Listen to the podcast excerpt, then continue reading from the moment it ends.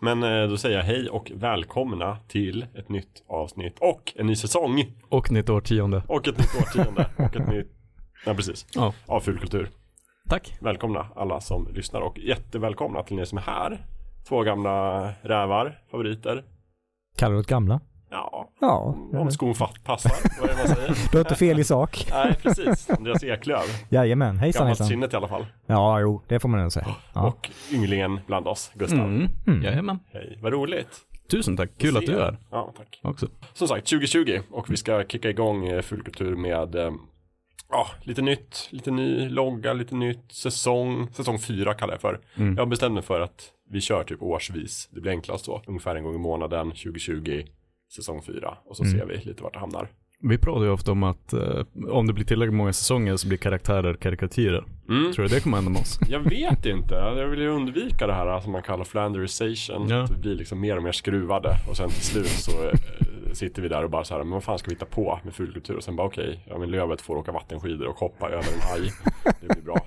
Eh, då är det dags att lägga ner tror jag. Eh, Ja, det tror jag också. Men fy- fem sänger kan man ändå komma undan med i alla fall. Det tror jag absolut. Så det blir den här och det en finns till. Ju, det finns ju exempel på tv-serier som har varit bra i liksom tio säsonger. Mhm. Inte jättemånga, men en del. Får bara hålla tummarna. Men det börjar brännas. Börjar Vi får, bara, vi får bara byta namn. Vi får göra liksom en sån där Better Call Saul. Ja, nästa säsong. precis. Som Top Gear-gänget gjorde. Mm. Samma program fast ny tappning. Vad heter den? Det... The Grand Tour. The Grand Tour på Amazon Prime. Just. får inte göra som Scrubs, bara lägga till en, eh, en undertitel och sen eh, är det något helt annat.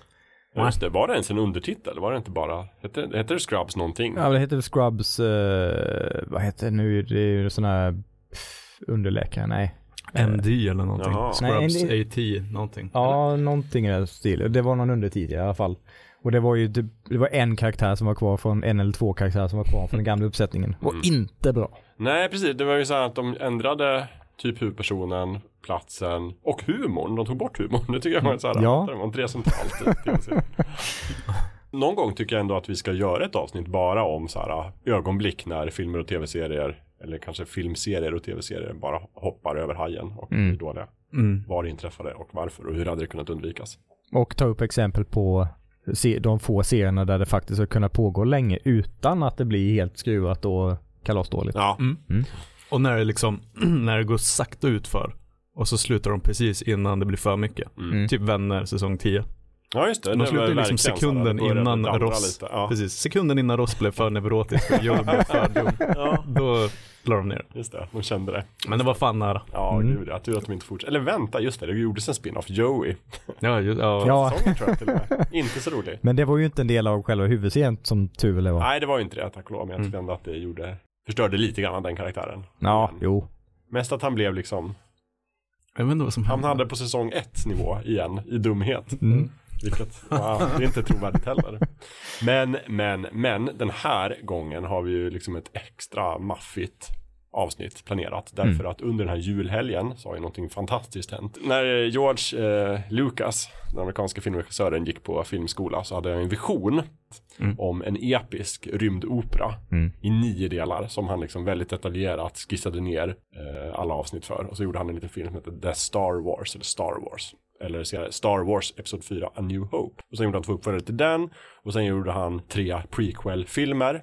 Och sen så som sista del i den här visionen så skulle han göra tre filmer till. Och sen så sålde han det istället till Disney och de gjorde tre filmer till. Oavsett och oavsett hur mycket av det här som är liksom var planerat från början. Det har ju varit så mycket, finns ju så mycket mytbildning kring det här med Star Wars. Eh, vad heter det ens när det är nio filmer? Inte trilogi, inte Eh, dekalogi, dekalogi Nej, det är tio. det är tio Ja, precis. Blu-ray-samling. sviten, svi, filmsviten med, med nio eh, sci-fi Skywalker-sagan som det heter. Skywalker-sagan som Jajamän. tycker jag är lite retroaktivt. Ja. Ja. ja, jo. Det, det är väl inte vara någonting som Disney har kommit på. Det är nog ganska mycket som är retroaktivt här, Ja. tror jag. Meningarna, hör och häpna, har gått isär. Nej. Både på internet, jag har varit ute på internet och läst Mhm. forum och Mm, jag tittat. Kollat på mycket YouTube-klipp om varför filmen är bra eller dålig. Och liksom allt sånt. Det pratades så himla mycket om prequel-filmerna och gör fortfarande så drar man ju upp dem ibland när man vill liksom skratta eller gråta eller liksom sådär. Eller faktiskt när det gäller dig Gustav, Mm. gillar dem ganska mycket. Ja, uppriktigt också. Och vi pratar ju då om eh, Star Wars Episod 9, The Rise of Skywalker.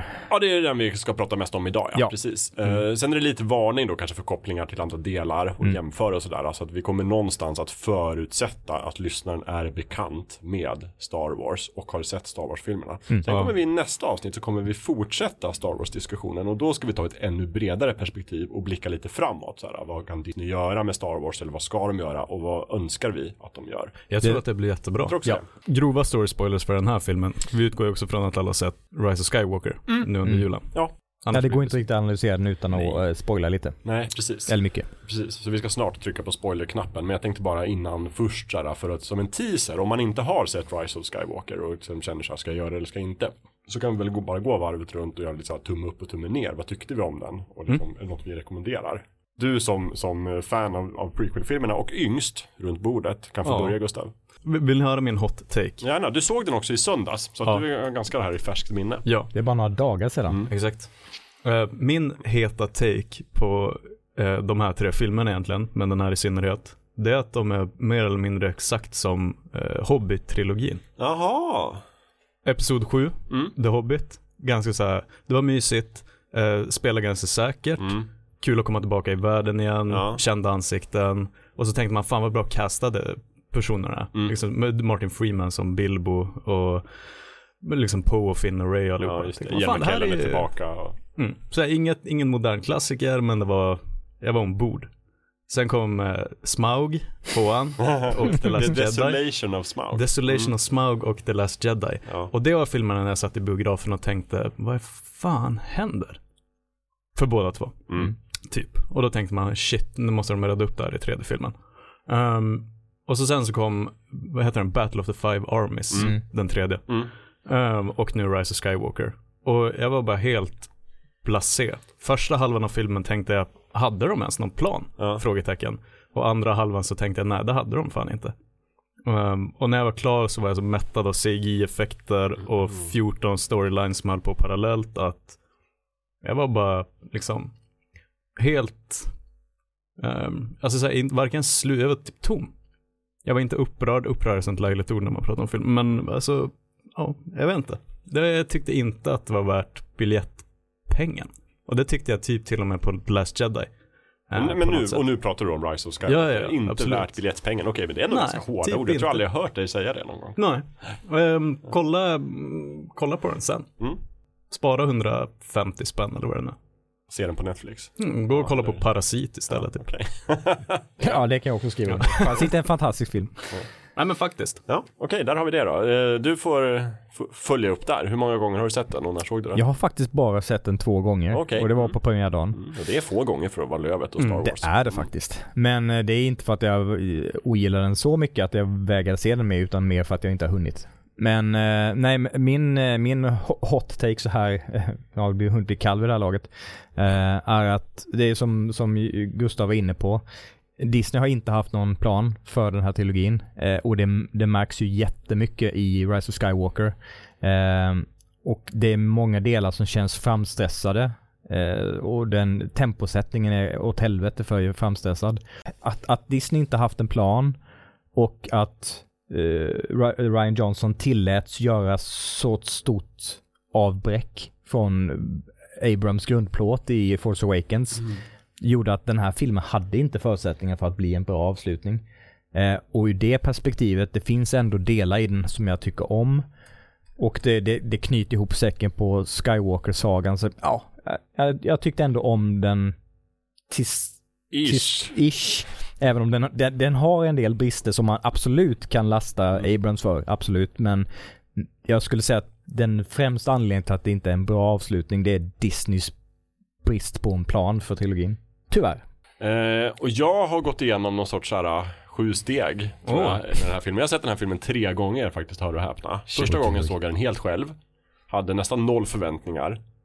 Visste inte vad jag skulle känna efteråt, men ändå någon sorts tillfredsställelse. Jag vet inte om det var för att allt var över. Eller Mm. för att jag tyckte om den. Eller alltihopa på en och samma gång kanske. Jag vet inte. Sen såg jag den en gång till. Och kände väl lite mer så här, ja ah, men nej men ja men. Nej men ja men. Kände jag så. Och sen så såg jag den nu en gång till för ganska nyligen. Eh, och eh, började kunna den ganska utan till. Men står väl fast vid ungefär samma åsikt att typ, alltså jag vet inte. Det är inte en jättebra film, men majoriteten av Star Wars-filmer kanske inte är så himla bra egentligen. Eller jag, Oh. jag, jag, jag blir så himla introvert och inåtvänd när det gäller Star Wars nu för att jag tror att det handlar så mycket mer för mig om hur mycket Star Wars har jag sett de senaste tio åren och hur trött är jag på alltihopa. Och hur, liksom, i vilket humör är jag på. Det, det, jag kan inte liksom se på filmen objektivt längre. För att jag vet bara att jag tyckte ganska mycket om den. Jag tyckte om den. Jag tyckte den var härlig. Mycket fart och fläkt. Men för, hände. för, ehm, för du har ju garanterat sett fem gånger med Marvel de senaste tio åren. Definitivt, ja, och exakt. Endgame kom ju före och Ja. rätt. Mm, det gjorde den. Uh, fan skönt att gå in i nytt årtionde och ha lagt både Star Wars och Marvel liksom ja, men alltså, clean det, slate det på något känns som sätt. att efter, det, Disney var verkligen, det kändes som att de skulle liksom storstäda lite inför Mm. nya. För nu ska de väl ta ändå en liten, liten paus med Marvel. Det kommer ju snart nya Marvel-filmer. Ja, det, Black liksom, Widow det känns som att vi är i någon form av andhål, andningshål i alla fall. Mm. Och samma sak med Star Wars. Men, men för det var det jag tänkte liksom att, eh, hur kände du med Endgame? Ja, kände du också då liksom att det är så, jag är lite blasé på Nej. hela, Tvärtom, och det, det kommer vi nog kanske in på Mm. lite grann i det här avsnittet, men ännu mer kanske nästa avsnitt. Alltså att jag tycker de är så fundamentalt olika de två franchiserna. Mm. Jag tror jag har sagt det tidigare också. Mm. Det känns som att Marvel till verkligen i grund och botten är byggd för att vara en franchise. För att hela tiden spotta ut nya serietidningsnummer eller filmer för den delen. Mm. att det liksom är verkligen konstruerat för att aldrig ta slut. Medan Star Wars inte är det. Och det tycker jag märks så tydligt och har märkts egentligen ända sedan prequel-trilogin. Men det, det, om vi, det kan vi gå in på det som du var in på tidigare där med att eh, George Lucas skrev eh, ett utkast för eh, hur hela den här sagan skulle utspela Mm. sig. Sen hur mycket av detaljen i de sena delarna som var en del av det, det kan vi vet. spekulera i. Men med ursprungstrilogin, han regisserade ju bara första filmen, överlät jobbet till andra regissörer Ja, det med han. film två och tre. Men det var ändå hans grundstomme Ja. som låg till grund för alla tre filmerna. Mm. Och det har inte Disney gjort med den nya trilogin. Och det, är ju där det brister. För även med prequels, oavsett vad man tycker om dem, det fanns ju åtminstone en, en originalvision för vad de skulle vara. Ja men uh, George Lucas hade en idé om vad han skulle göra och visa och så gjorde han det. Ja, det är sant. sen tror- blev det dåligt, men det Absolut. var åtminstone en en, enhetlig vision. Jag tänker så här, vi trycker på stora spoiler-knappen så att har man inte sett den här eh, Star Wars Rise of Skywalker än så kan man Mm. väl gå iväg och göra det eller låta bli eller vänta och se den på Netflix eller vad var det vi kom fram till. Eller Disney Plus när det kommer. Ja, eller Disney Plus, eller Mm. avvakta. Men liksom, om ni vill lyssna vidare nu så kommer vi prata om handlingen väldigt, väldigt mycket. Om Mm. varför den håller eller inte håller. Mm. Och sådär. Så Ja. att eh, bara vara medvetna om det. Nej men därför att när jag såg eh, Star Wars The Last Jedi, om det var förra året eller var det två år sedan? år sedan. Eller två, Två år sedan. år sedan. Satan i gatan vad fort det går. Mm. Eh, så kände jag mig maximalt trött på Star Wars. Och det tror jag påverkade hur jag upplevde den filmen, för jag tyckte inte alls om den. Och jag kollade om den lite grann snabbt nu häromdagen, bara för att liksom återuppleva. Jag tycker fortfarande inte riktigt om den. Men, men så mycket handlar om så här, vad jag tycker att regissören gör, hur, hur, vad är Star Wars är väl den fundamentala och lite filosofiska frågan. Vad är Mm, en Star mm. Wars-film? Mm. Och vad är det inte? Och då tyckte jag att det var inte en Star Wars-film. Och det här tycker jag, trots att det är en väldigt disneyfierad Star Wars-film, så är det en Star Wars-film.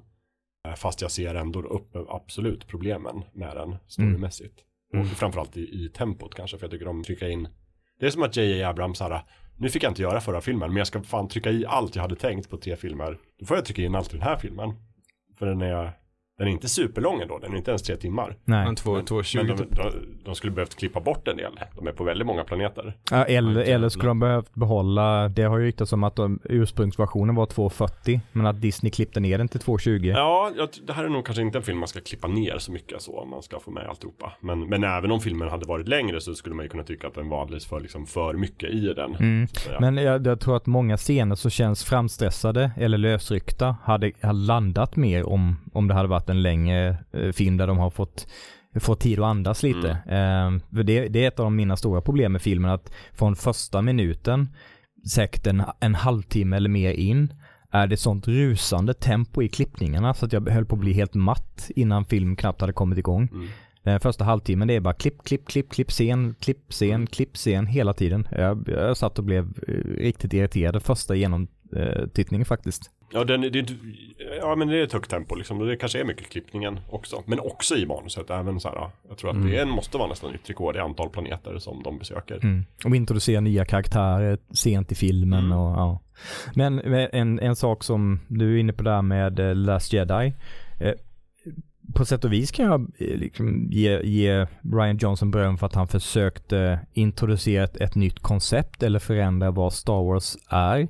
Men det ska inte göras mitt i en trilogi. Det skulle ju varit en del av en ny trilogi, en ny Star Wars-saga. Mm. Inte, inte eh, som den mittenfilmen i avslutningstrilogin Nej. på en Vad pågående var saga. det för, för nya koncept då? Som han... Eh, Det är ju dels det här med att eh, Jed- jedis inte är ensamma om kraften. Eh, att vem som helst kan, kan, kan vara force sensitive och eh, jedis, eh, vi, de tror att de är ensamma om det här men vem är, vem är de att lägga eh, vantarna på, på kraften själva? Ja, just det. Ja. Ehm, eh, och i hela den här eh, uppdelningen med, med Kylo Ren och eh, Ray som vi skulle få en, eh, som vi fick en förklaring i, i den här filmen som motsäger förklaringen i, i The Last Jedi.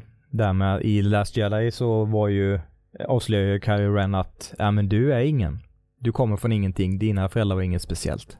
ja, just det. Eh, och i här så var hon visst det, i alla fall. Ja, eller det här, d- dina föräldrar var inget speciellt, men din farfar var. Ja, Det är oj! ett exempel på hur eh, JJ har varit så här, okej jag kan inte helt ignorera att det kommer en film emellan. Nej, Men jag får typ eh, jag ska göra lite. mitt bästa för att helt motarbeta allt som, som påstods etablerades i den förra filmen. Det tycker jag är tydligt på många, många ställen här. Ja, det blir ju väldigt tidigt i den här filmen så retconnar ju Abrams väldigt mycket i The Force, eller eh, The Last Jedi. Ja, Eh, vi, det kan ju avslöja, det är ju tidigt avslöjas det, i filmen avslöjas det att eh, Palpatine minsann eh, fortfarande lever. ja och han har direkt varit, skulle jag vilja säga. Ja. Det är det första man får se i den här texten.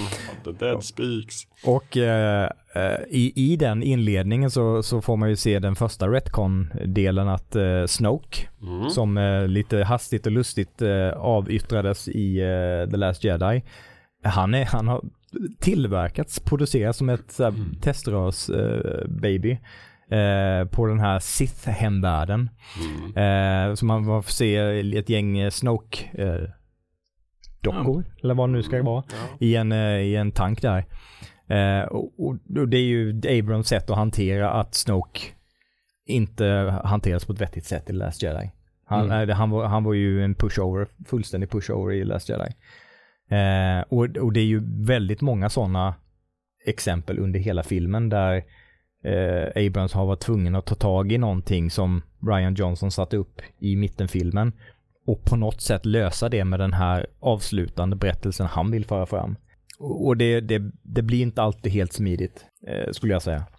Men det är väl lite krystat mellan varven. Och jag tycker att så här, var det någon av oss som tyckte om The Last Jedi? Nej.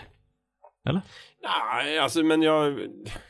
Jag störde mig framförallt som så här Star Wars-fan av en del detaljer som de gör. Jag har nog inga Mm. problem med den stora riktningen, så här, att man ska problematisera Ja, med så kraften plott- och plotta. sådana grejer. Jag Mm. bara stör mig på så här, eh, så där kan man inte göra med ett rymdskepp och eh, så där kan man inte göra med en lasersvärd och det där är ju inte etablerat och typ de fåniga djur, hela den här grejen med kasinoplaneten tycker jag Mm. var bara väldigt larvig. Så att det var mest det och typ att nästan inget hade någon betydelse. Nej, Men förutom det, jättebra. Ja, jag tycker liksom att um, den var, även om jag inte tyckte om The Last Jedi, så tycker jag att det typ blir ännu krångligare att de ska låtsas som att den inte existerar Mm. till del tre. Ja. Ehm, för att man, det blir så här, det blir en viss efterbörd på den, men det är som att man ignorerar andra grejer. Ehm, så den ligger som kvar, eh, som ett så här, lik Ja. Mm. mitt i rummet Ja, på något sätt. men och så går, alla, så här, alla promenerar runt försiktigt eh, och ingen pratar om det typ.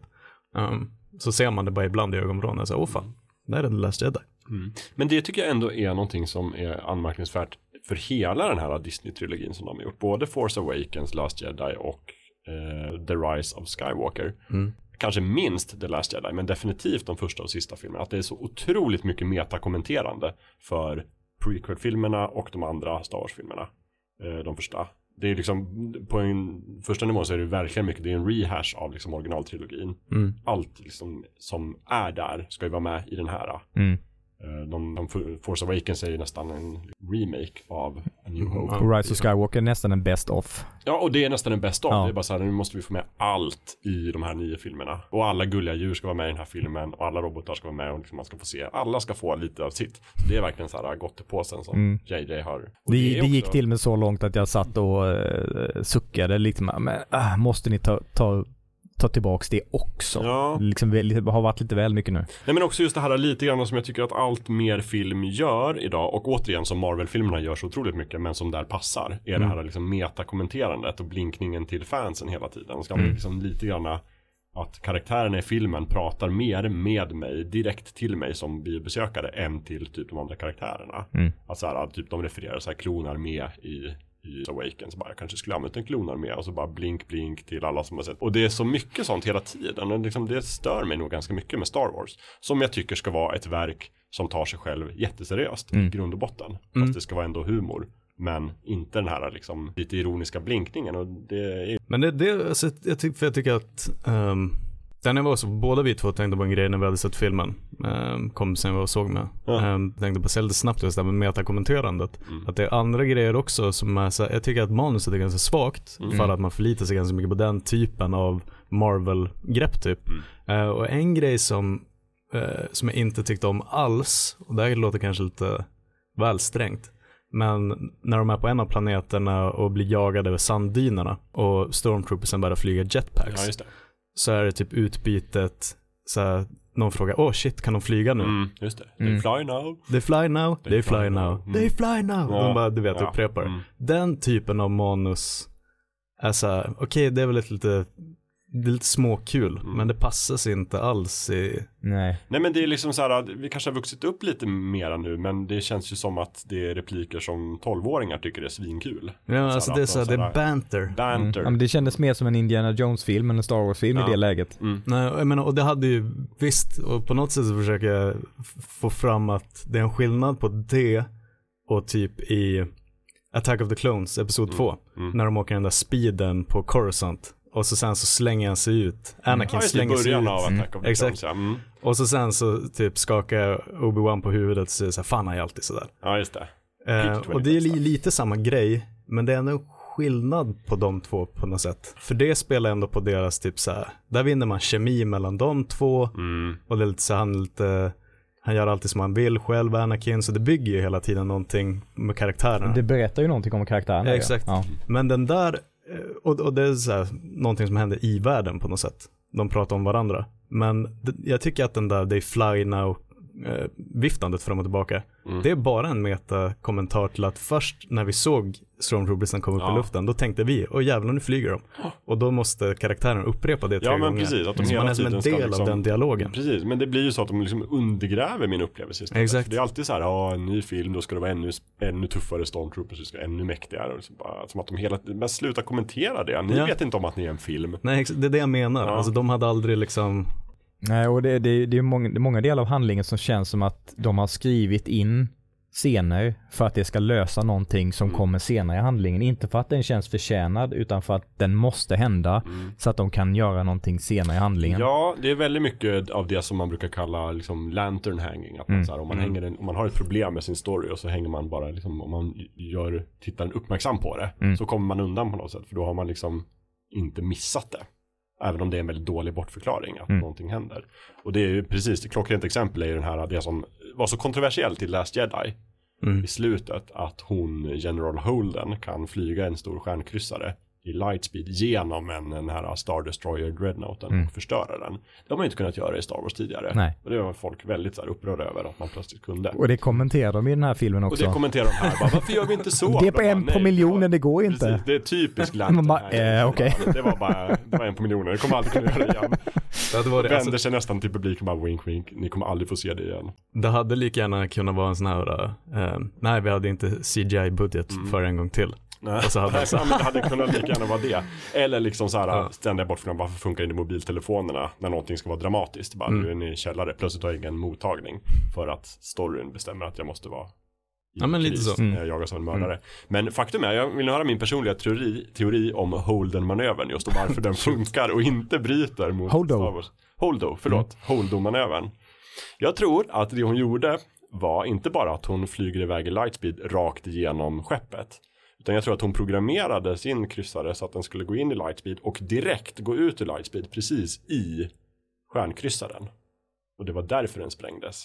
Det är vad jag tror. Mhm. Då är hon det var jätte, jättesvårt men det var duktigt. Mm. Därför att det ändå etablerats lite grann att till exempel Han Solo i Force Awakens kan flyga Millennium Falcon och gå ur lightspeed inne i en atmosfär och på så sätt kommer han runt de här sköldarna Mm. runt Starkiller Base. Och de håller ju på med lightspeed eh, jumping eller skipping eller vad de kallar skipping det. Light skipping, eh, ja, Poe. Dameron som är eh, The Resistance Best Pilot i den här Mm. filmen. Mm. Vilket också känns så här, va? Och mitt största problem där är för övrigt inte att han kan lightskippa med Millennium Falcon. Utan att TIE Fighters som jagar honom plötsligt också kan hoppa i hyperspace. Mm, det tänkte jag också. Det är tydligt etablerat att TIE Fighters är små skepp som inte har egen hyperdrive. mm, Och sen kan jag tänka så här, okej det har gått 30 år, det är klart att de har byggt nya TIE Fighters. Men då vill jag ju se någon form av liksom Alltså bygg på en liten motor eller någonting på TIE Fighters så att man ser att det har hänt någonting, att så här, tekniken har utvecklats. Men i- de ser exakt likadant I The. Last Jedi så har ju eh, stjärnkryssarna, ut, vad är de utrustade med? En stor så här, central processor och spårmekanism. Centralprocess, spårmekanism, ja exakt. Som kan spåra de och det eh, är en en jätteviktig plott i den filmen. Att så här, hur kan ni spåra dem i hyperspace? För det har ju alltid varit så. Mm. När hyperdriven i Millennium Falcon är lagad och Han Solo trycker på knappen och de flyger iväg. Då är de äntligen, de kommer undan. Mm. Och sen kan man ha installerat en tracking device i Millennium Falcon. Mm. Men, men, och där gjorde de en speciell sak av att nu kan vi minsann tracka er i hyperspace. Mm. Och här verkar man göra det bara slentrianmässigt. Mm. Det tycker jag är slarvigt. Och de tar inte upp det överhuvudtaget. Nej. Vilket för, så här, för tittaren blir väldigt förvirrande. Och Ja. bara, och, eh, har de spårmekanism eller, eller struntar de bara helt i den Ja. förklaringen? Mm, mm. Mm.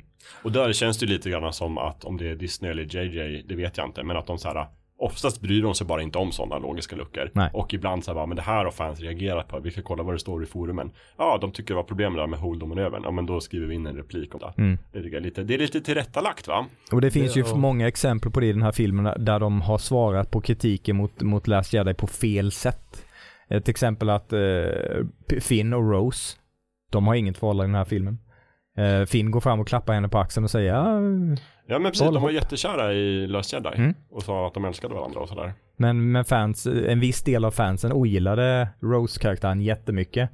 Och då väljer Abrams, eller om det är Disney eller både och, Mm. att helt, helt sopa den En av relationen de som mattan. ogillade det kanske var, hette JJ Abrams. Kanske. Och kanske svor en ed om att om jag någonsin får något att säga till om i nästa film, då ska jag minsann göra de här till bara vänner. Mm. Mm, det jag menar med det där liket av The Last Jedi, för att Ro- det är ju inte som att Rose inte är med alls, utan hon fyller ju någon helt så överflödig roll med fyra repliker i Ja. den där lilla Ja men djungelbasen. precis, allting hon gör, den karaktären gör i den här filmen, skulle ju typ Charlie från Lost göra. Exakt. Han är också med och typ gör nästan ingenting. Men där vet jag, så här, jag läste någonting att hon skulle ha något mer att snacka med Leia och så sen så dog Carrie Fisher och så sen så, vad fan vet jag. Men eh, och det, eh, det är ju också eh, så här, det finns en ny karaktär som introduceras här som heter Janna. Eh, som är från den här månen där dödsstjärnan har kraschat. Eh, på eh, häst, eh, hästfolksplanet, eller månen. eh, eh, där det, det antyds nästan att, att Finn har någonting på gång med henne. Eh, där de har, de har en scen tillsammans där de sitter och bondar. Mm. Eh, och det är lite som att Abrams kommer att, nej men de två har någonting ihop. Ro- Rose är, ga- det är gammal historia, det, Ja, de, det, precis. här är Ja. någonting på gång. Eh, Jag tolkar nog inte så som att de har något romantiskt, bara att de, de har varit med om tuffa saker båda två. Det vill säga att de har Mm. stormtroopers. Men de, de klickar ändå. Ja, jo, de och klickar Rose definitivt. klickar ju de har inte en kemi alls. som Rose och Finn inte har i den här filmen, Nej. kan man ju säga. Men får jag fråga bara när, när man snackar om kemi och just Finn. Eh, varför gjorde de en sån grej, underligt stor grej utan att det ledde någon vart, att eh, eh, Finn ville säga någonting till Ray som han aldrig fick göra. Ja, det är så jävla uppenbart att han vill säga att han är lite småkär i henne. Nej, fast det har ju Nej, Abrams. Abrams har sagt eh, att det han skulle säga är att eh, han också är force sensitive. mm. What the Ja, fuck? det är men varför Abrams vill har han inte, det. Så vad är, men okej, eh, varför gör de då den här high school eh, filmgreppet att det är så här, oh, är det för att, är det för att eh, Poe är här som du inte vill säga Men någonting? jag tror bara att det handlar om att de försöker liksom emulera lite grann kemin från Empire Strikes Back. Eller så. Det ska vara lite Star Wars, att det ska vara lite så här romantisk fnurra, fast det inte är det. För att Luke och Leia är ju syskon och inte kära i varandra. Ja, men- men att de ska ta lite samma sak. Men För det är det som är knäppt. För Jag, det- tror inte- det blir det var inte liksom- heller, jag tror inte heller det var det som Finn skulle säga. Nej, men det, det kan ju också vara så att eh, i, i Abrams ursprungliga kli- klippning så berättar han sen faktiskt vad han, vad han Kan skulle så säga. vara. Ja, om, det skulle kunna ligger, vara. om det ligger liksom 25 minuter outgivet. eh, Men jag vet Rise of inte. Skywalkers material på golvet någonstans hos Disney. Då kanske det är där vi har förklaringen. Mm. Fast jag vet, alltså jag vet inte om, okej men var klämmer man in en liten, hej jag är force sensitive. Nej. Varför säger man det när man ska dö? Använd kraften istället då, din dum-. Eh, Berätta det medan jag lever istället så kan vi prata om det. Men Mm. det är ju helt irrelevant när man ska dö i kvicksand. Men jag vet inte, men jag, för jag tycker bara att den, eh, nej det är inte riktigt samma så här, för att Luke och eh, Han och Leia-grejen funkar ju för att båda de slogs om den Mm. Ja, snygga eh, men prinsessan. exakt. Mm. Det är ju väldigt klassiskt. Ja. Och så visar det sig att en är brorsan. På, Ja. så här. Men, Eh, men, men det här känns också väldigt o- missriktat för att just det är inte som att Poe liksom suktar efter Ray jättemycket heller. Utan Nej, han verkar ju sukta åt alla håll. typ. Han verkar vara helt öppen för det mesta. Vilket är roligt i och för sig. Med en sån karaktär. Men uh, ja, nej, jag, jag tror också det handlar helt om att Finn är force sensitive. Mm. För eftersom jag inte har sett den tre gånger så är det så mycket sådana ledtrådar. Mm. Och i, även i Force Awakens, eh, han, han klarar sig väldigt bra Ja. mot Kylo Ren eh, i Mm. slutfighten. Ja, sen kan jag bara tycka att det är liksom så här. Vi får väl se, han kanske dyker upp igen någon gång. Men jag tycker det är inte jätterelevant att han var det. Nej. Ehm, Men det, det är också, eh, det, är, det är så svårt, men vi vet ju inte vad, vad tänkte Abrams när han, skrev, när han och hans kumpaner skrev manus med Force Awakens. Eh, och vad tänkte han nu när han, han tog dels över efter The Last Jedi och sen tog han ju även över vissa manusidéer från Colin Trevorrow som skulle ha regisserat eh, Episod 9 från början. Mhm, var det så det var? Eh, ja, det viss, ja, han har ju till och med en writing credit i eh, Episod 9. Jaha, jag läste inte eftertexterna. Jo, det har han. Mm. Så att, så att det är vissa element har han ju tagit över där Mm. och sen så har han, och de andra manusförfattarna tillfört eh, sin egna avslutning så att Ja. säga. Eh, så det, det, det, det är förmodligen så många spår som är oavslutade och, och kanske introducerade först i sista filmen och vi som tittare vi undrar ju ja, vad är det här? Men eh, det är ju väldigt otydligt. Vill man vara elak kan man ju tänka sig att det egentligen var så här att JJ Abrams hade världens softaste jobb och så bara skriva manus till Force Awakens och han behövde inte alls fundera på hur trådarna skulle knytas ihop utan han la en massa planteringar åt alla håll Mm. och bara så här nu kan ju de två andra som gör de två andra filmerna fixa det här. Så det kommer säkert bli bra. Och sen, så, och sen bara, nej vi har problem JJ, du måste göra sista filmen. Han bara, "Ah." Ja, men... Så fick han se ihop det bäst han kunde och det känns ju kanske lite så. Mm. Och det är återigen, det är, det är Disneys fel i slutändan. Eh, hur, hur det hanterades. Ja, det är det väl kanske.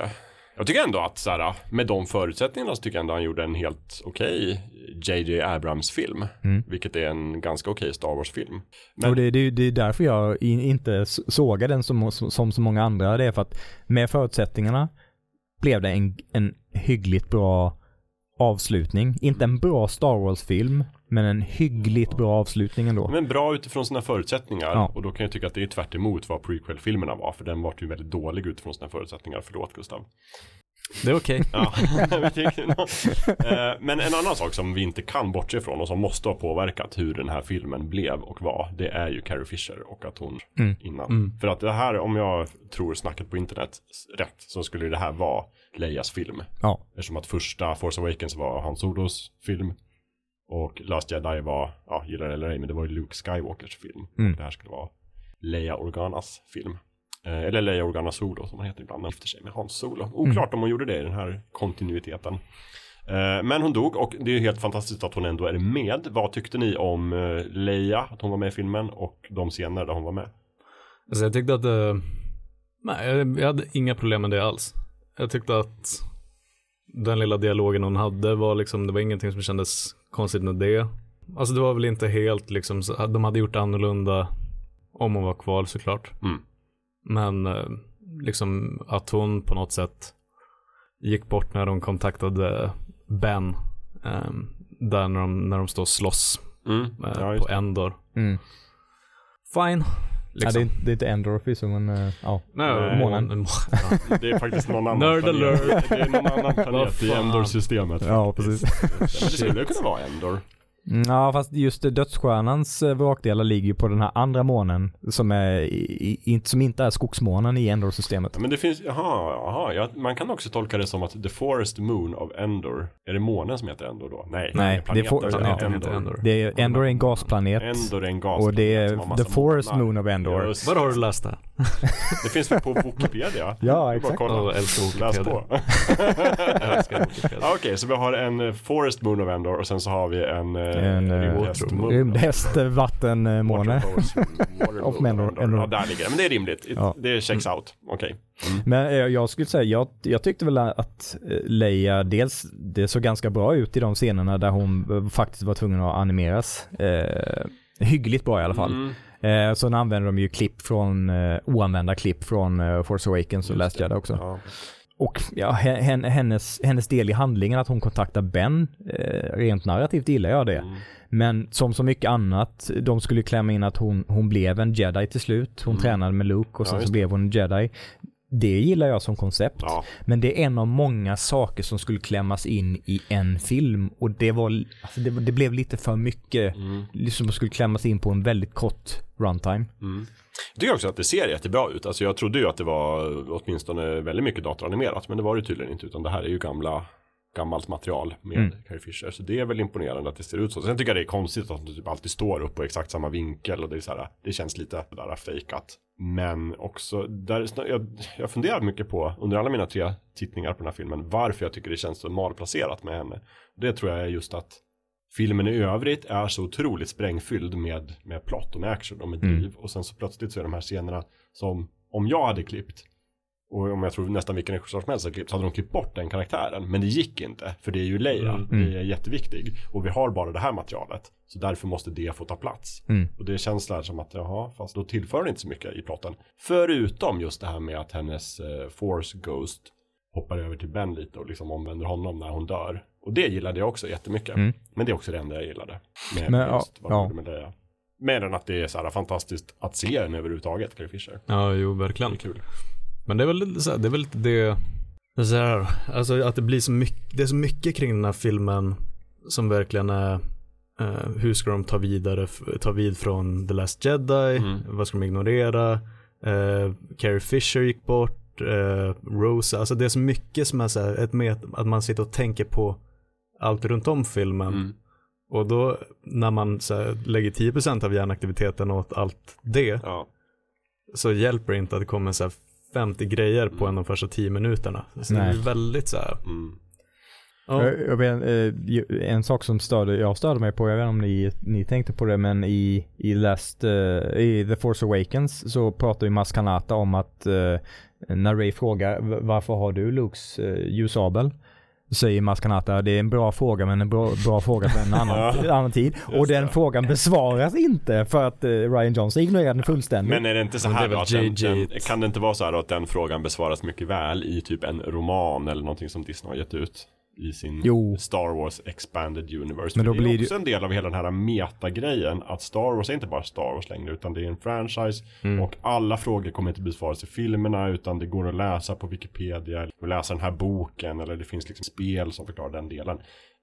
Vilket jag kan vara emot eftersom att det gör att så här, ja, men om man undrar det så måste man, jag vill inte gräva fram någon. Men om de säger det i filmen så antyder de att det kommer besvaras senare. Ja, jag vet. Men jag Eh, så det blir, det blir ju en efterhandskonstruktion. Jag vet, jag bara tänker Disney-logiken kanske är att så här, och den, det är mycket mysterier i det här som vi ska lägga ut i Expanded Universe för att få folk att upptäcka den rika världen av Mm. Star Wars eller något sånt där.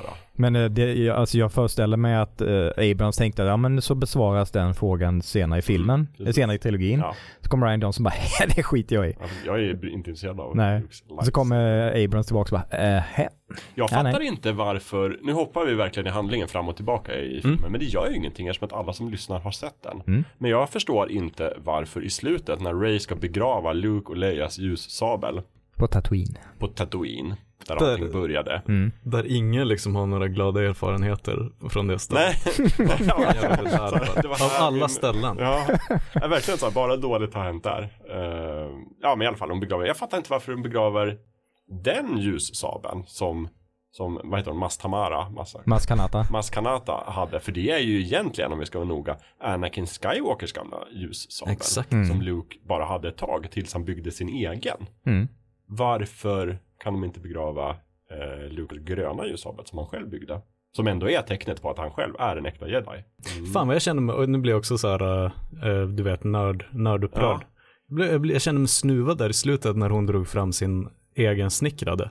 Ja. eh, och bara tände den. Att det inte var en del av en betydligt lugnare scen tidigare i filmen. När hon, du vet, tar Mm. steget att säga, nu har jag byggt mitt lightsaber, Ja. nu, är jag, Jo, nu är jag på G. Nej, men, precis. men det, det är ju så många sådana grejer man hade kunnat tänka sig så här, Istället för den här filmen så hade vi kunnat göra en film som mycket mer handlar om Ray och hur hon blir en jedi. Nu fick det vara med liksom bara väldigt hastigt. Mm. Eller vi hade kunnat göra en film om Leia om hon hade levt, om hur, Mm. vad hon gjorde. Och det hann vi inte med heller. Så det är som att det är mång, potentialen till väldigt många filmer här som de inte gjorde. Mm. Det där, det där tycker jag att det liksom är, eh, det hade varit häftigt för att den gamla Extended Universe, där Mm. var ju liksom, det var ju verkligen det de började på nu, att Luke blev liksom Grandmaster Ja. Jedi Super Jesus eh, och började liksom en ny skola och det blev nya Jedis och fram och tillbaka. The New Jedi Order. Exakt. Ehm, det hade ju varit läckert om Leia kunde ta över den rollen för framtiden i den här nya liksom kanon. Mm. ehm, när Luke inte längre är kvar. Ja. Och att hennes första liksom riktiga elev är Ray. Ja. Att hon tar över. Lite häftigt att hon, Mm. Nu kommer inte det att funka på samma sätt. Men nej, det hade varit, det är en sån här, det som hade kunnat vara Ja. på något sätt. Men det är överlag väldigt mycket introducerat på kort tid i slutet av den här filmen. Eh, Så ingenting av det får ju chansen att landa. Jag tycker, alltså det, jag tycker det är samma sak i mitten av filmen och i början av filmen också. Mm. Det är ju ingenting som är landa.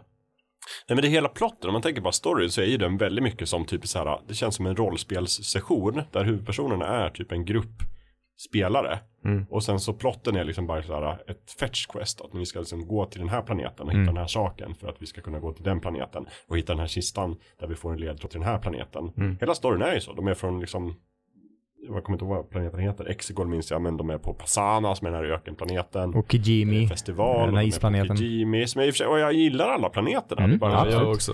sprid ut dem lite. Allt får inte plats i en film. Nej. Och de träffar Lando Calrissian.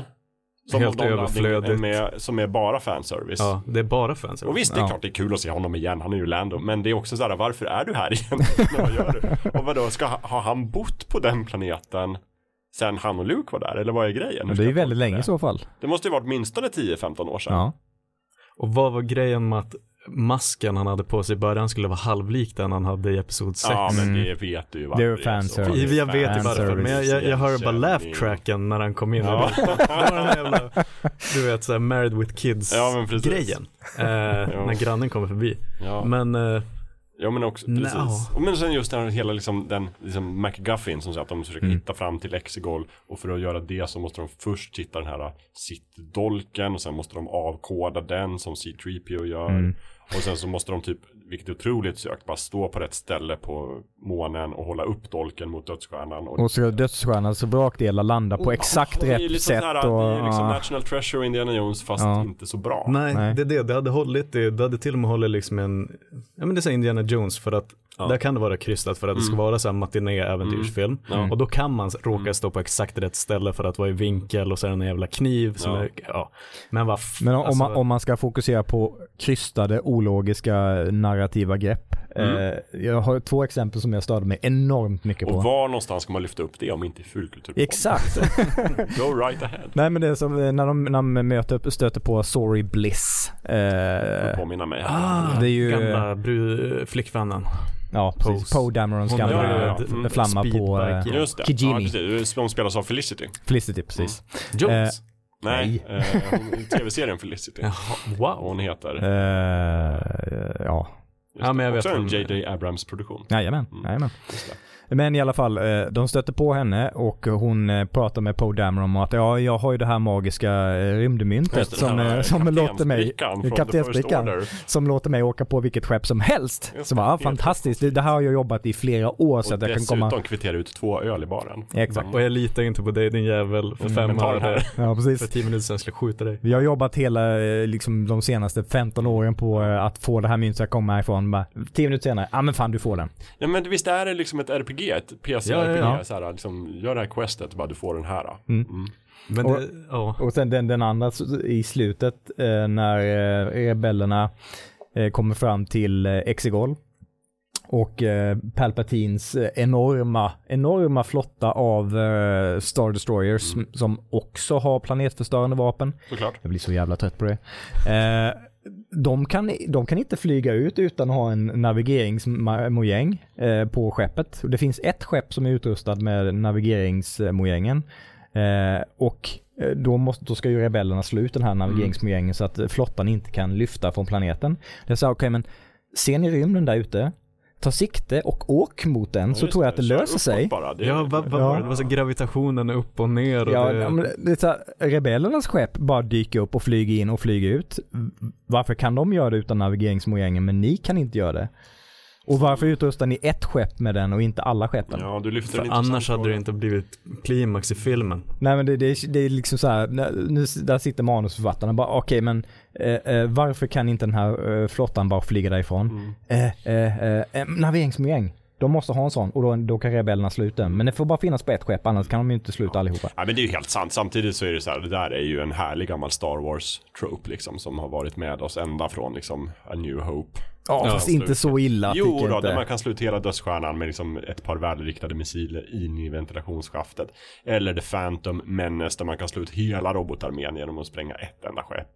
Ja, men Phantom Menace ska vi inte ta som exempel. Det tycker jag, det ska vara, det är typ alla filmer där är det så. Ja, det fast är en- lite olika nivåer. Att en reaktor kan sprängas av att eh, det detoneras i den, det köper jag mer än att en hel jävla flotta har byggts utan att de har möjligheten att lyfta från planeten om de inte får hjälp av en, ett enda skepp. Grader i helvetet kanske. Ja, det, är ja. det, det, det var en sån här typisk grej där jag tror det handlar helt om vad jag är på för humör. För i det här fallet så reflekterade jag inte över det och bara så här suspension of disbelief, okej, jag köper det, så är det, här är Star Wars. Eh, Medan jag typ inte hade låtit samma grej passera i Last Jedi. Så att jag tror det handlar mer om om det på för humör. Men jag håller med. Mm. Men alltså, jag, jag tycker nästan att den här, hade resten av filmen varit helt klockren, då hade ingen brytt sig om den lilla detaljen att de måste bli guidade för att det måste finnas någon anledning till att de inte bara sticker direkt Ja. på något sätt. Um, det jag irriterar mig på, eller irriterar mig, det är alltså, det jag tycker är konstigt med den, med den där grejen är att ehm, de går mot den här 3G-masten men sen så inser de så här, oh, de är på väg att slå ut kommunikationen, stäng ner den och så sen kör, sänder vi från skeppet istället. Att det blir något så här, det, blir- det blir för invecklat. Det hade varit, kan de inte bara haft det som en renodlad grej? Liksom vi kör på att den här masten är faktiskt typ Mm. som den där bunkern på Endors Ja, eh, skogsmåne. Alltså att det finns ett sånt grepp Ja, liksom. Men mm. kör det ren, alltså enkelspårigt att nu är det det som gäller. Nu, nu är det verkligen så här, imperiet skyddar masten och ni försöker stå ut masten. Och inte att de gör den här snabba twisten att det är masten som är målet i fem sekunder, sen är det plötsligt inte det och då, Och då ska de dessutom rida på det skeppet med eh, de där eh, mån, månhästarna. Eh, bara för att de inte kan upptäckas av deras eh, radarsystem. Och så blir det ytterligare en sån här set piece ja men det, det, som man ska ta sig igenom. Exakt, det det det är det jag tycker är konstigt för att, okej så här, walk with me. Ehm, varför, det, ingenting förändras av att de måste justera om planen och attackera skeppet istället för masten. Nej. Det är ju inte som att de är så här, vi tänkte hoppa ut på våra hästar, eh, men nu kan vi inte det. Så nu är det så här, ja vi får improvisera. Mm. Utan det enda som händer är att de säger, nej vet ni vad, det är inte masten som gäller längre, det är skeppet. Och så landar de bara där och rider ut med sina hästar. Um, Ja. Alltså det är ingenting som är så här, vad påverkar den där grejen? Nu är vi inne på detaljer, men det är men precis, så det här, påverkar inte så mycket. Det man blir liksom lite så här. Ta- Tankebanorna går ju snarare i så fall åt att så här, varför gjorde de i manuset en sån ändring? Varför måste de liksom enligt manus, vad fyller det för funktion att de åker upp till skeppet istället? Och så tänker man liksom baklänges istället, vilket man typ inte vill göra när man ska njuta av en film. Nej. Att så här, och då bara, ja men det var nog bara för att den här, eh, vad heter han, Richard E. Wright, som för övrigt eh, spelar en jättebra skurk här, Mm, absolut. eh, ska dö, eller liksom det är på något sätt på den nivån, att de ska få in det. Eller liksom att, eller kan det vara att Finn och Ray, eller Finn och ehm, den andra stormtroopern, ex-stormtroopern, ska vara i fara i slutet och rädda som en Falcon. Mm, gärna. Det hade Mm. man kunnat göra på ytan också. Jag menar, man börjar tänka sådana där grejer liksom, att de man tänker att manusförfattarna hela tiden har jobbat baklänges. Lite Mm. som du sa David, att så här, de har haft en massa problem som de måste förklara. Så gör de det och då blir manuset lite så här. JJ Abrams är superstressad och varje gång någon i Writers team Mm. frågar bara, men här har vi stött på problem och då säger han, tänker han i fem sekunder och så sen så säger han, nej men okej, men då, då, då gör de sådär istället. Mm. Ja, och jag håller med dig lite just det, det är lite The Hobbit. Det är Mm. lite Mm. samma sak, att de så här, men vi någonstans så bara så här, varför har ni egentligen gjort filmen så här? Mm. Då?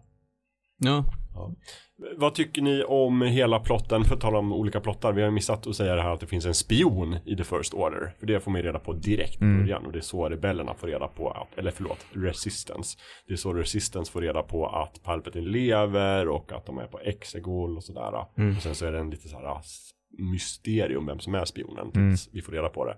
Vilket vi inte behöver vänta så jättelänge på. Nej, Och sen så är det Hux som har varit eh, spionen i Ja. hela tiden av någon eh, inte helt förtjänad eh, narrativ köp, anledning. köpte du inte det? Nej. Nej, det köpte jag. Jag köpte det. Jag Jag, köpte det. tyckte, att det var, jag tyckte att det var kul. Då fick jag lite ny tandtopp. Jag var så här, nice.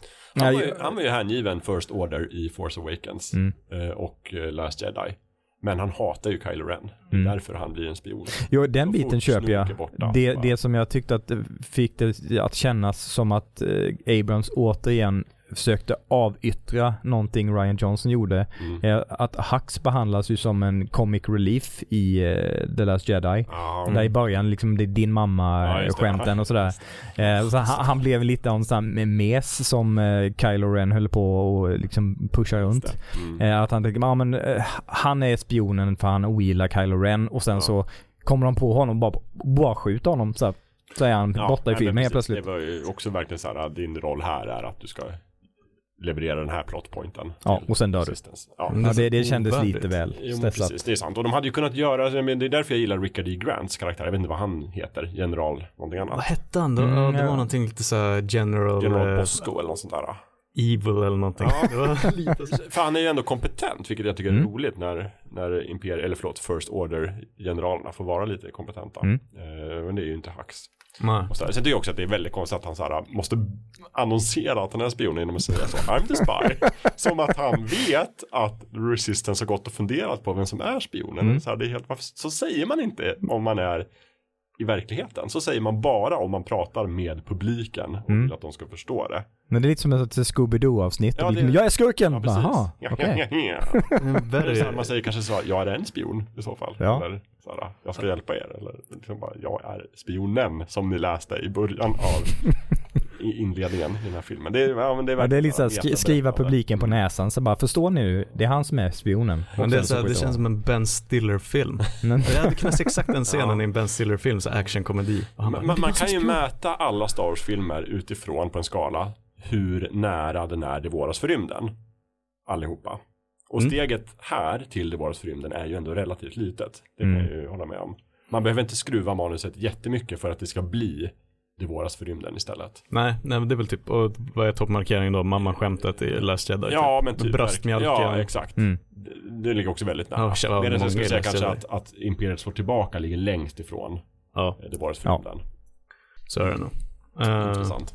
Men vad, vad tycker ni om plotten med att eh, Palpatine har varit eh, ursprungs Sith Lorden hela tiden och att han har han har använt olika kloner under alla århundraden som han har levt och eh, han, han säger ju det. Ja, nej, det inte. Vad menar du då? nej. Så köper jag. Så han- tolkar inte jag. Han, han inte säger ju jag. det, jag har ju dött många gånger.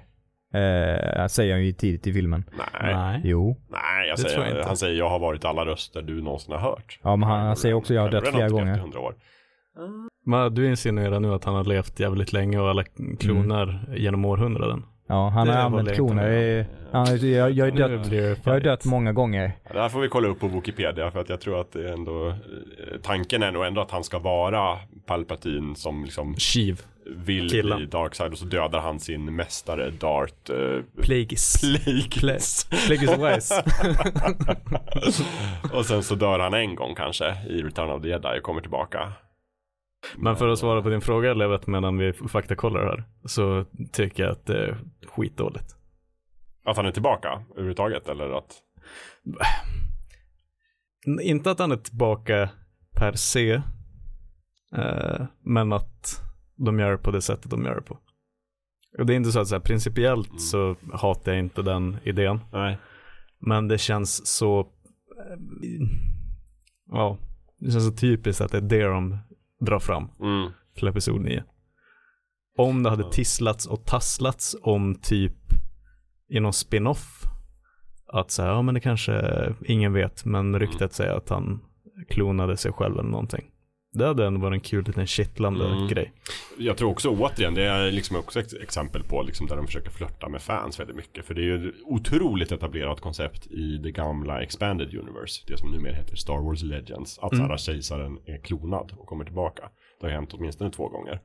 Men det, det, jag är rätt säker på att han säger det, I, I- I've died eh, many times. eh, och, och det antyder att han har, han har använt flera olika eh, kroppar, eller kloner, eh, vad det nu än må vara, eh, under år, århundraden eller årtionden, eller hur länge nu han har levt.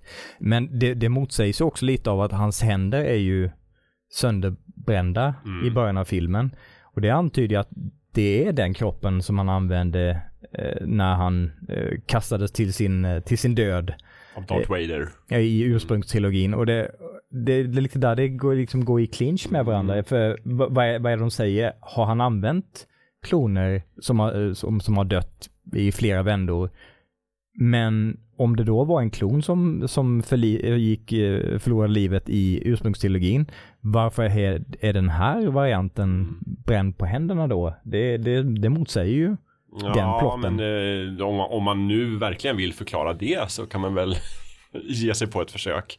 Det kan väl vara så att han, han okej så här, en av hans sittkrafter är verkligen att han kan förflytta sitt medvetande till en annan kropp. Mm. Men det måste vara en kompatibel kropp. Det måste vara en, kraft, en kropp som är stark i kraften. Eller för att använda prequel-språket, som har väldigt hög mideklorinhalt. Ja, hög Eh, mideklorinhalt. Och då måste han ju leta efter rätt värld så att säga. Och Ray är ju rätt värld. Det antyds så här lite grann tycker jag. Att om Ray hade dödat honom och tagit tronen. Så hade han hoppat över till hennes kropp. Mm. sina sittkrafter. Och det kanske var det han ville göra med Luke också då. Retcon.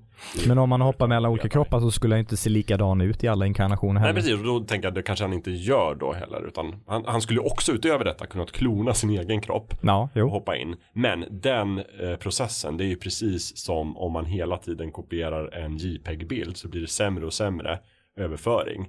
Att han, om man klonar sin egen kropp och hoppar över till den så blir det lite sådana här komprimeringsfel. Det är därför han har så fula fingrar. JPEG-fingret. Ja, just det. Han, Men- han, det han gör när han ska hoppa över till Ray är att han liksom får en ny fräsch kopia från liksom backupen. Men det, det, det jag också fu- funderar på var, det, det kan ju också vara förklaringen att eh, den här kroppen är den kroppen som kastades ner i, eh, Skulle kunna vara. Och att han inte totalsprängdes på grund av sina sittkrafter. ja precis. Han Och att de, de här maskinerna som han hänger i, Mm. att de håller den här kroppen vid liv. Ja, Så att han kan för, överföra sig till en ny Precis. kropp. Och det är ju etablerat, för vi vet ju redan att han är skicklig på att ta till exempel den sönderbrända Anakin Skywalker i Revenge of the Sith och bygga en liksom, robot direkt så att han lever fast Mm. är mer maskin än människa. Mm. Så att han har ju skillen. Mm. Mm. Men det är ju, det är ju väldigt oklart. Är väldigt Många oklart. sådana Mm, plot points precis. är Jag ju tror vi väldigt måste läsa oklara. någon av de här romanerna återigen för Mm. det. Finns säkert en som heter Palpatine. Eller. Sidious. Eller så kommer det. Men jag vet inte om ni känner samma sak som jag. För det, eh, när jag kollade på filmen, så under tiden så liksom gjorde jag bara en sån mental lista på typ 22 så här lore-mässiga grejer Ja. som jag satt och rynkade på ögonbrynen åt. Men sen kände jag så här, fast nej, du vet, koppla, koppla av lore master Wikipedia-delen Mm. och bara njuta av spektaklet. Mm. Ehm, så här, även om det är supermånga grejer som jag bara säger, men vad fan, okej, force healing görs på en liksom, handvändning nu, varför Mm. gör inte det? Ja, alltså det finns jättemånga sådana Mm. grejer som jag sitter och tänker på.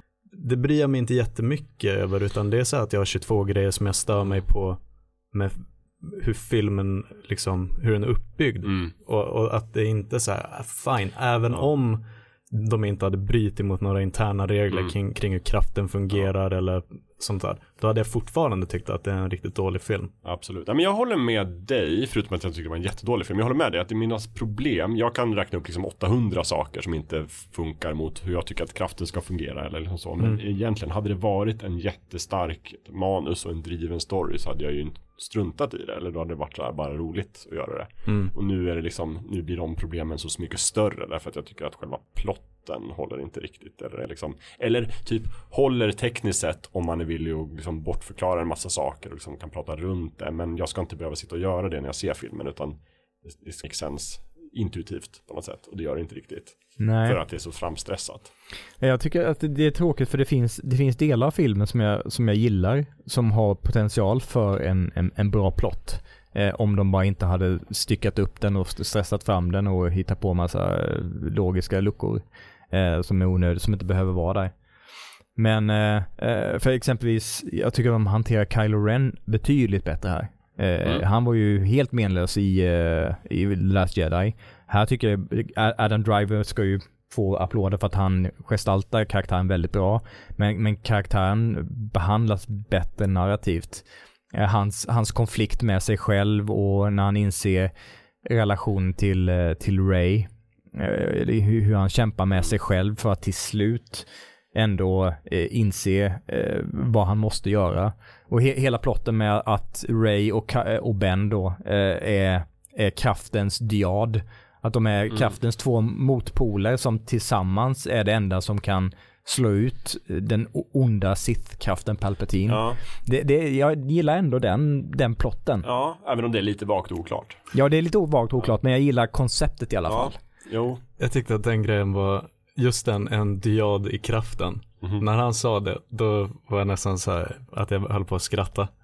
Och så sen att Palpatine, när de kommer fram till honom där i slutet i tronrummet, att han typ, åh fan, en diad i kraften. Ja. Som att de behövde, de behövde liksom så att, eh, du vet, en expertkommentator Ja. som bekräftar att det, det här är fan en grej. Ja, just det. Men han känner En till det. För han har läst sina kraften. cityböcker och bara säger, jo, ja, det där har jag inte sett. Så. Eh, Alltså, verkligen att Men eh, det det var- ch- checks out ändå att en, en OG Sith Lord som, som har upplevt allt Ja. är medveten om det. Ja, Jo, jo, men men, precis. det var så verkligen. Yoda, om han hade varit där hade vi också kunnat säga så. Ja, Vilket nej. är kul för att det är ju liksom en stor del av plotten i Knights of the Old Republic 2. Ja. Ja. där Force Bond. Mm. Så de som är, har spelat det, jag satt och var så här, åhå, det, det här har jag ju sett förut Mm. liksom. Mm. Ja. Eh, men det kändes ändå krystat som koncept. Ja. Ehm, Nej men precis, för man behöver inte ha något emot att de plockar inspiration från Expanded Universe och spel. Nej, och, nej. och, tvärtom, det kan vara bra. Men det kan ju ändå göras bra i, alltså det måste ju fortfarande vara en handling som är helgjuten och så liksom. Och, Mm.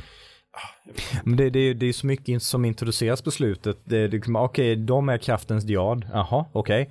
Eh, sen kommer Ben tillbaks och ska hjälpa till och sen skickas han iväg och så dör han, eller tror man att han dör.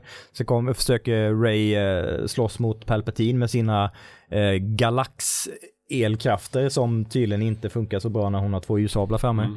Mm. Eh, och sen så kommer, och så lyckas hon besegra Palpatine och så kommer Ben tillbaks och sen så pussas de liksom, åh jättebra, så åh nej fan jag håller på att dö. Mm. Och så dör han och så bara, "Ja, jaha, jaha.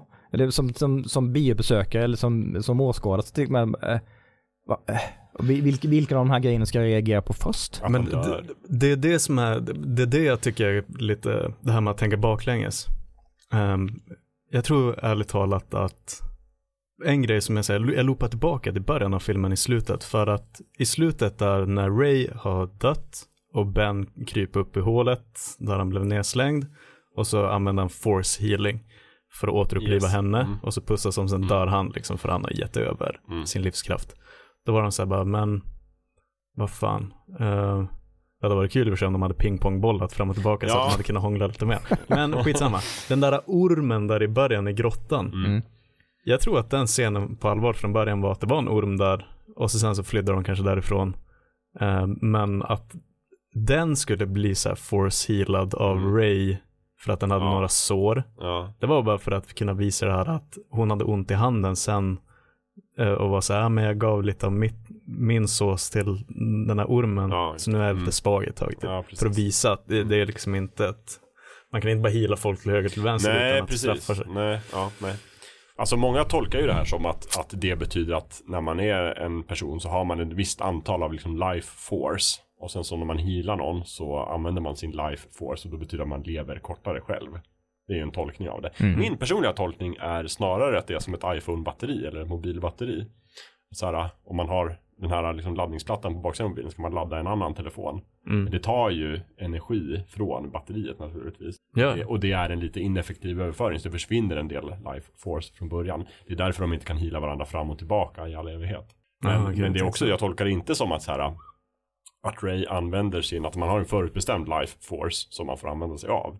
Nej, Jag nej, nej, men jag menar bara att hon blev Om hon hade tagit två veckors semester Då hade de varit upp, tillbaka på topp. upp sig. Då hade de Ja, varit ja. tillbaka på topp. Absolut. Men det hinner man ju inte när man ska eh, heala typ Kylo Ren sådär. Ja, båda är ju ett ganska... Eh, De är nära döden båda ja, två. precis, så att de har inte mycket att jobba med. life force som ni har i batterierna nu räcker till att en av er överlever.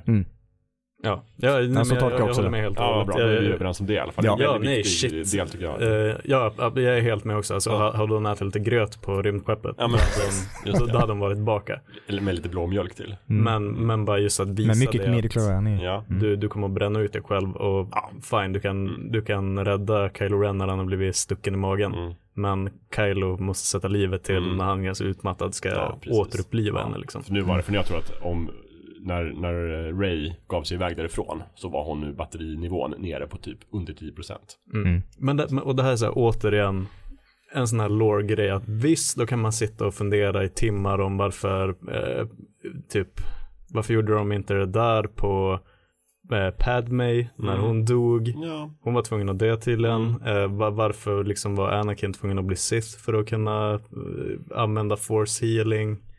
Men det, det, Ja, det kan vi det- förklara med att det är krafter som de upptäcker först senare eller att det, det är det som det är kraftfulla snabb, länge nog för att För upptäcka då, då det. sitter man och, och lappar igen alla sådana Ja. där Mm. diskussioner. Men det, återigen, det är det jag menar att skitsamma för att Mm. filmen var fortfarande bristfällig. Mm.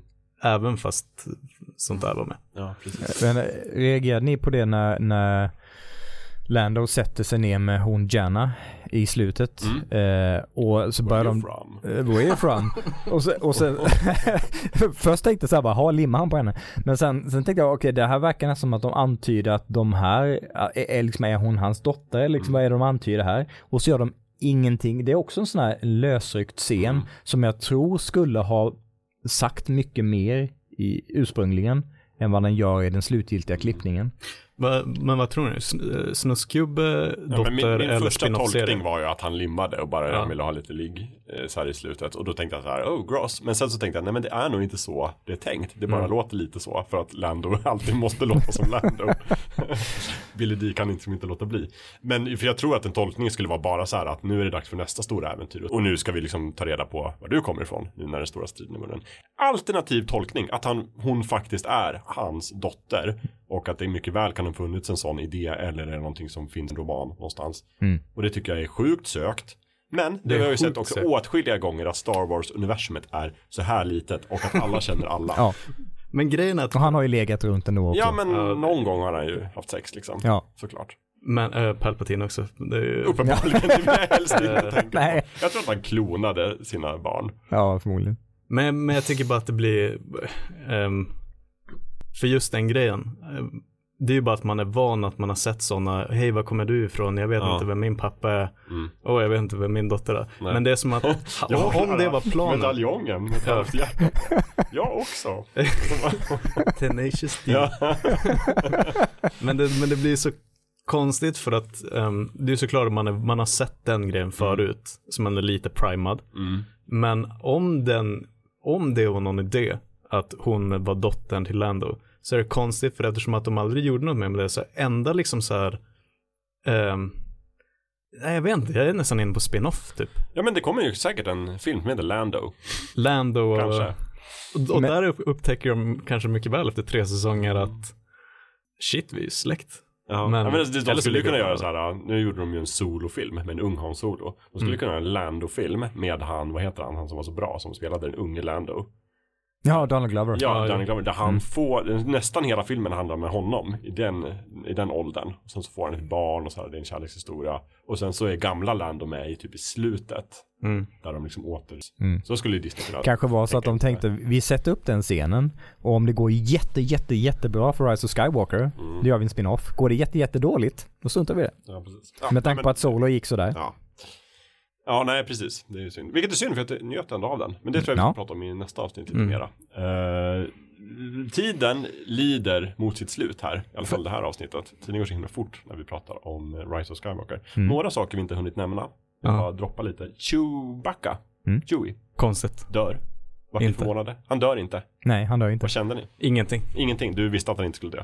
Ja, Ja, i, I trailern ser man ju honom flyga med Lando så jag visste ju att han, det, han det är ju inte död. man, ja. Det är Ja, ju... det är därför man aldrig ska kolla på trailern. Mm. Nej, och det är därför de inte ska avslöja så mycket trailers. Disney. Ja, precis. även en sån där jävla metagrej. Eh, den där korta, korta scenen när Ray är Darkside med Ja, just det. hennes Mm. röda lasersvärd. Mm. Det var ju världens snackis i trailern. Mm. Det var ju det och att Palpatine ja, var jag tillbaka. såg nog inte den trailern, för jag visste, hade inte sett det förut. Och så Okej, sen, okej. ja men och det var ju så här, i två sekunder i trailern så såg man Darkside Ah, Ray med hennes röda det. ljussabel. Ja. Mm. Det var ju samma sak som med fake-outen på uh, Chewbacca. Det Mm. var, det var, den grejen hade de bara för trailern. För att i filmen så var ju Darkside, det var ju bara den där lilla, du vet Luke i Darth Vaders maskgrejen Ja, från. Episod Ja. 5. Just det. Um, och Chewie var ju verkligen så här, uh, Ja. fan vi behöver någonting som får dem att gråta nu i två sekunder. Men vi kan inte döda honom för att, uh, Nej men precis, nej men det är mer så här, vi behöver någonting som får Ray att känna sig lite misslyckad ett tag. Som kan förstärka hennes senare identitetskris. Hon ska ju ifrågasätta sig själv och sin... Palpatine är hennes morfar. Hon bara såhär, jag har nästan dödat Chewie, Palpatine är min morfar. Mm. Jag vet inte vad jag tror på längre. Bäst att jag drar till planeten Achu, prosit, och typ gör precis som Luke.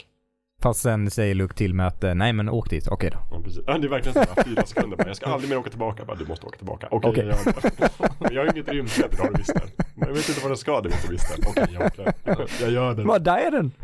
Ja, nej, det, det var lite väl eh, nödlösning över Ja, Mm. lite sådär. Men det är också så här, ja. Precis som Chewbacca så bara okej, nej det är ingen liksom luring för det syns där. Man ser, det är så här, många pratar om att det är en cop-out, att det var så här aldrig etablerat att det fanns två rymdskyttlar. Det gör det, det är bara det att en, en sekund så ser man att det Mm. finns två. ja. Men det är också så här, nej tekniskt sett, det är bara Jag menar, hade det varit som i, i ursprungstrilogin, ha, hade Chewie faktiskt dött, det hade varit en oh shit. Men det gör de inte riktigt Men heller. samtidigt är det också så här, alla dör ju i de här filmerna. Som Han Solo har dött, Luke Skywalker har dött, Leia har dött. Det är verkligen så bara, de- då skulle det nästan kännas sökt. För att det var så här, Mm. okej, jag förstår, ni ska döda alla gamla karaktärer. Mm. Då hade det Ja, varit konstigt vilket- att Lando inte dog. Vilket Mm. under att han överlevde. Ja. Men, Coolt. för det är också en, en skådespelare som man kan använda i all evighet eftersom att det bara är att dra på sig en Chewbacca-dräkt. Så Ja. kan han vara med i framtida filmer. Så det är Du- smart. du behöver bara vara lång. Jag trodde du pratade om eh, Lando. nej, nej, men däremot så antar jag, jag vet inte, han kanske, Billy D kanske är datoriserad Ja. hos Disney och kan användas i jag framtida bara förutsätter att- jag. Alla skådespelare som är över typ 60, om när de går in till Disney, då blir de avskannade så här. Ju bara redan i lobbyn. Och så får de skriva på sån Ja. en, en det att vi, vi har Vi tillgång ska till din digitala kropp. Wars-filmer i 800 år framöver. Jo, precis. Fast nu har de ändå, använt så mycket röstsyntetiska samples från, eh, för, så, så att de kan fortsätta ha Darth Vader-rösten långt efter Mm. han dör. Ja, just det. Men han ska inte dö. James Nej. Earl Jones. Nej, han får inte det. Eh, En, en, en, eh, en, en sista detalj eh, som jag funderar på om ni eh, reflekterar över. När rebellflottan kom in, Ja, fnissade alltså ni den stora Ja, flottan. den stora Ja. flottan. Fnissade ni åt att det såg ut som någon har suttit i 3D Studio Max och bara copy-pastat in en helvetes massa av skepp? Nej, jag började tänka på eh, Dunkirk. Ja. Alltså det här har ju Christopher Nolan redan Jag gjort. tänkte bara så här, ja men jag tänkte bara så här, vilken formation har de? Vad konstigt. Att det var verkligen så här, men det är lite så här Dunkirk att, så här, ja men och det är väl såklart den känslan de ska Ja. få. Vi slänger in alla är fartyg bara- vi kan få. De har inte liksom gjort någon strategi utan det är bara så här, så många som möjligt bara dit. Och typ flytta folk från Dunkirk. Eller Mm. typ attackera. Eh, det var lite fånigt. Men jag ska ändå säga att alla tre gånger när jag såg den här filmen Konstigt. så, så vart jag fukt i ögonen när exakt det ögonblicket hände. Fastän det var sökt, fastän det var tillrättalagt, fastän det var lite såhär copy-pastat så bara, jag bara, damn it. Det här är Star Wars, tänkte jag. Mm. För det är också så här ett av de få tillfällen när de faktiskt använder det här Star Wars-temat i filmen. Mm. Och inte Ja. bara i inledningen, utan det var så här det var lite av ett crowning moment of awesome, tycker jag. Ja, min, min invändning är, är mer lite inne på det du säger att det, det är ingen information direkt utan det känns som att de har bara copy-pastat in en jävla massa skepp på, li, på, en, på hela ytan utan att det är någon form av ordning eller struktur på det. Och det, men det är Lando och Chewie måste ha åkt jättefort runt och bara plockat upp folk. Mm. Och bara så här, hörni, det är vi möts på de här koordinaterna exakt klockan då. Och sen bara flyger vi in och så gör vi grejen. Den ser ut som en sån Black Friday rea rush. Men det, ehm, alltså nu är det så här, du vet, all, alla jävla fans har ju sin idé om hur filmen hade blivit 100% bättre. Mm. Men jag bara tänkte en snabbis efteråt att, för jag säger, Lando kändes överflödig och fanservice-aktig. Hade de inte bara kunnat slänga in en snabb kommentar det är uppenbart att han är vrålkänd general Mm. och att alla vet vem han är. Ja, Varför slängde de inte bara in en replik om att nu ska vi två åka på en diplomatisk resa så ska jag, som är lite John F Kennedy, Mm. Ragga folk till att Ja, komma på den här precis. grillpicknicken. ja. Men nu var det som att vem som helst hade kunnat göra det för Ja. att det var liksom lite så här, det kom från Poe. Ja, att precis. hej hörni, nu har vi en chans igen.